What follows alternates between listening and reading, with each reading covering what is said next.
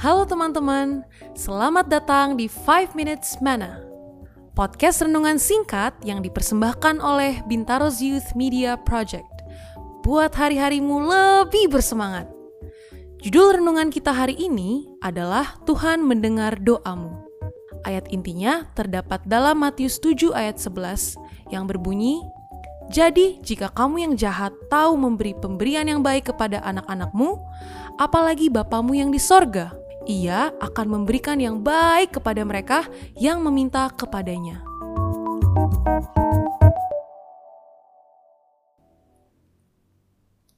Ketika kamu sedang menghadapi masalah, apa hal pertama yang akan kamu lakukan? Apa kamu akan langsung menceritakan masalahmu kepada kedua orang tuamu, pacar, atau sahabatmu? Atau pernahkah kamu langsung menyempatkan waktu untuk berdoa kepada Tuhan tentang masalahmu? Adalah seorang juru minum raja yang bernama Nehemia. Ia mendapatkan kabar buruk mengenai bangsa Israel, saudara-saudaranya sesama umat Allah. Bangsa-bangsa di sekitar mereka menghancurkan tembok-tembok kota Yerusalem mereka ditentang untuk membangun kembali tembok itu sehingga menjadikan kota tidak berdaya dan sunyi sepi. Mendengar itu, Nehemia menangis dan berkabung selama beberapa hari. Tetapi kemudian Nehemia ingat bahwa dia memiliki Tuhan yang ajaib yang akan mendengar setiap keluh kesahnya. Ia setiap hari berdoa dan berpuasa kehadirat Allah, memohon pertolongan Tuhan doanya bukanlah doa yang egois. Doa Nehemia justru menceritakan kebesaran Allah dan menuntut janji Tuhan bahwa Tuhan akan selalu mengasihi dan melindungi orang yang mau bertobat dan mengasihinya. Dengan mengingat janji Tuhan di dalam doa, iman kita dikuatkan untuk selalu mempercayai janji-janji Tuhan ketika segala sesuatu tampaknya tidak memiliki harapan. Tahukah kalian bahwa Tuhan baru menjawab Nehemia setelah empat bulan lamanya berdoa dan berpuasa? Itu jelas bukan waktu yang singkat. Nehemia mungkin berpikir bahwa Tuhan tidak akan menjawab doanya.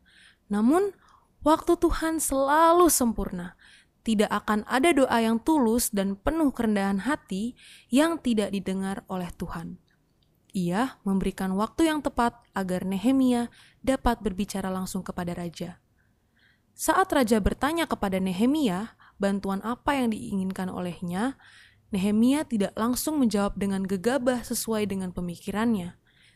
Sebelum menjawab pertanyaan raja, sekali lagi dia berdoa kepada Tuhan agar dapat berbicara sesuai dengan kehendak Tuhan.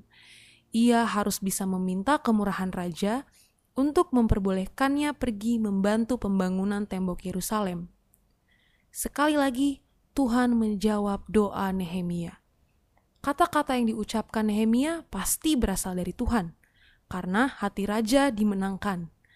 Raja bukan hanya memperbolehkan Nehemia pergi dengan waktu yang sudah disepakati antara Nehemia dan raja, namun peralatan dan bahan-bahan untuk membangun tembok Yerusalem diberikan oleh raja.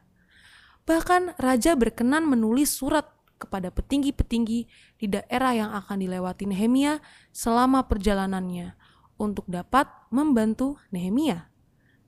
Tidak lupa, raja menyuruh panglima-panglima perang untuk mengawal Nehemia agar ia aman tiba di Yerusalem.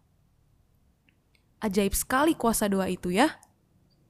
Hmm, Tuhan benar-benar turut campur tangan dalam perkara yang dihadapi Nehemia.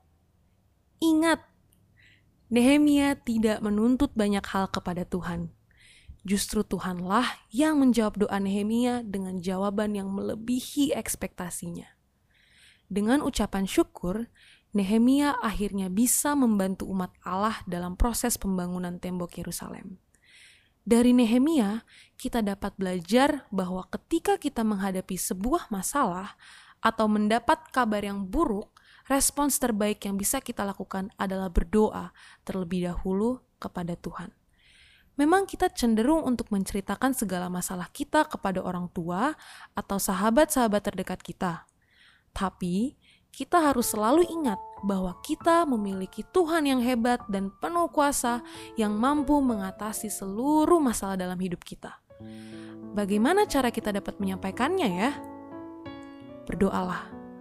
Berdoa kepada Tuhan dan menunggu jawaban serta pertolongannya dengan iman karena waktu Tuhan adalah yang paling sempurna.